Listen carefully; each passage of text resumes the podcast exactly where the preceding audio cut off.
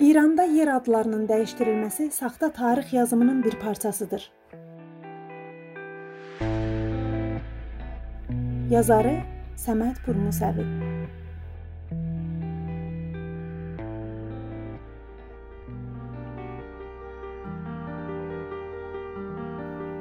Yer adları bəzən o yerlərdə yaşayan insanların nağılı və onların təbiətin şəkillənməsi ilə bağlı rəvayətləridir.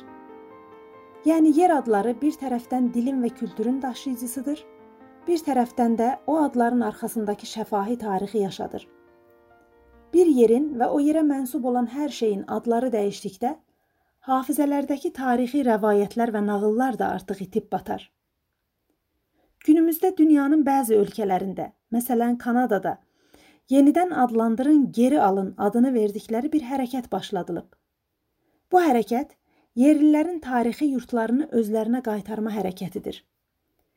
Hələlik bu hərəkət bəzən sadəcə ərazinin tanınması ya da land acknowledgement bəyanatı səviyyəsindədir. Bu bəyanat ilə Kanada dövləti və gəlmə bütün millətlər üstündə yaşadıkları torpaqların əslində Kanada yerlilərinə aid olduğunu rəsmi şəkildə dilə gətirirlər. İlk əməli addım olaraq da yerlərin və məkanların orijinal adlarını özünə qaytarırlar. Hətta bəzən saxtalaşdırmalar nəticəsində itirdikləri bölgələrin yerlilərə geri qaytarılmasını təmin edirlər. Bu onu göstərir ki, tarix vaxtı ilə bu işin tərsinə şahid olub. Adların dəyişdirilməsi tanınmış sömürgəçi və ya istismari bir siyasətdir. Bu siyasət xüsusilə Amerika və Kanada kimi ölkələrdə ilk gəlmələr və ya yerləşməçilər tərəfindən həyata keçirilib. Onlar qəsb etdikləri yerləri yenidən adlandırıb yurda sahib çıxırdılar. Bir çox halda bu saxta adları kimliyi bəlli olmayan ərazi ölçənlər yazıya alırdılar. Bölgənin və ya məntəqənin adını dəyişib sənədləşdirərək o yerləri yeni sahiblərinə təslim edirdilər.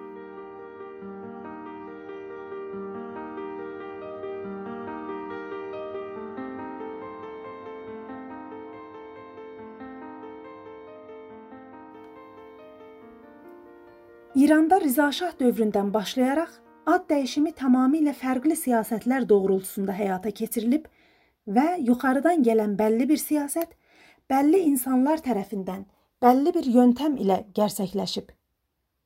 Bu sistematik iş İranda yaşayan fərqli millətlərə vahid kimlik düzəltmək projesi əsasında olub. Maraqlıdır ki, birinci dəfə İranda topoqrafi xəritələrini Amerikanın militari ya da nizami mühəndisləri yaparkən kənd adlarını orijinal şəkildə olduğu kimi yazırdılar. Amma sonrakı xəritələrdə, məsələn 1347-1357 xəritələrində artıq kənd və bölgə adları tamamilə farslaşdırılmışdır. Bu işin əmri dövlətdən gəlsə də, mücriləri dövlət istihdamında olan İrançı tarixçilər olmuşdur. Yer adlarının farslaşdırılması ilə birlikdə O adların mənaları saxtalaşdırılıb, bəzi hallarda anlamsızlaşdırılırdı. Yəni dünyadan fərqli olaraq İranda bu saxtalaşdırmanın valisi də, çalışanları və mücriləri də anonim ya adsız deyildir. Onun həm yazarları, həm də dəyişdirilmiş adların listəsi və dəyişmənin zamanı, tarixi və başqa izahlar hələ də tarix və arxeoloji jurnallarında mövcuddur. Demək, bu işi o qədər bəsbəlli bir şəkildə özlərini haqlı sanaraq və bilimsel edirdilər ki, illər sonra kimsə bu işin yanlış olduğuna şübhə edib onu sorğulamamışdır. Çünki kültürel müstəmərəçilik kəlan rəvayətlərin ümumiləşdirilməsi ilə baş verər. Xalq kəlan rəvayətlərə o qədər inanar ki, hakimlər işlərini və niyyətlərini gizlətməyə ehtiyac duymazlar. Məsələn, İranda kimlik sömürgəçiliyinin dayandığı arqumanlar həmişə milli vəhdət, milli təhlükəsizlik ya da əmniyyət milli və düşman qarşısında güclü bir ölkə qurmaq kimi doğru görünən sözlərə dayanmış və aktual olmuşdur. Amma əslində istismari siyasətlər gələcəkdə yurtların taleyinə sahib çıxmaq üçün müxtəlif bölgələrin keçmiş tarixini kontrol altına alıb yiyələniblər.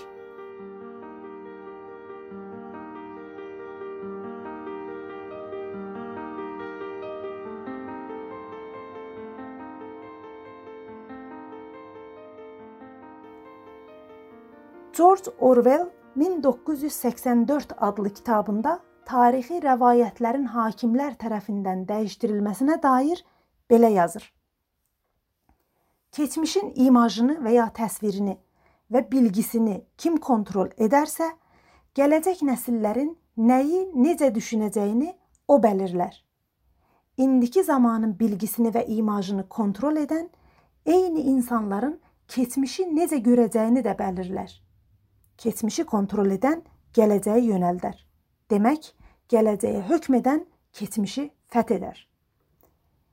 Müstəmərəçi və ya sömürgəçi siyasətlər ölkə xalqlarını birləşdirib məmləkəti qorumaq namına onların dillərini basqı altına alıb, tarixlərini dəyişib, sonunda da kültür və kimliklərini əllərindən alarlar.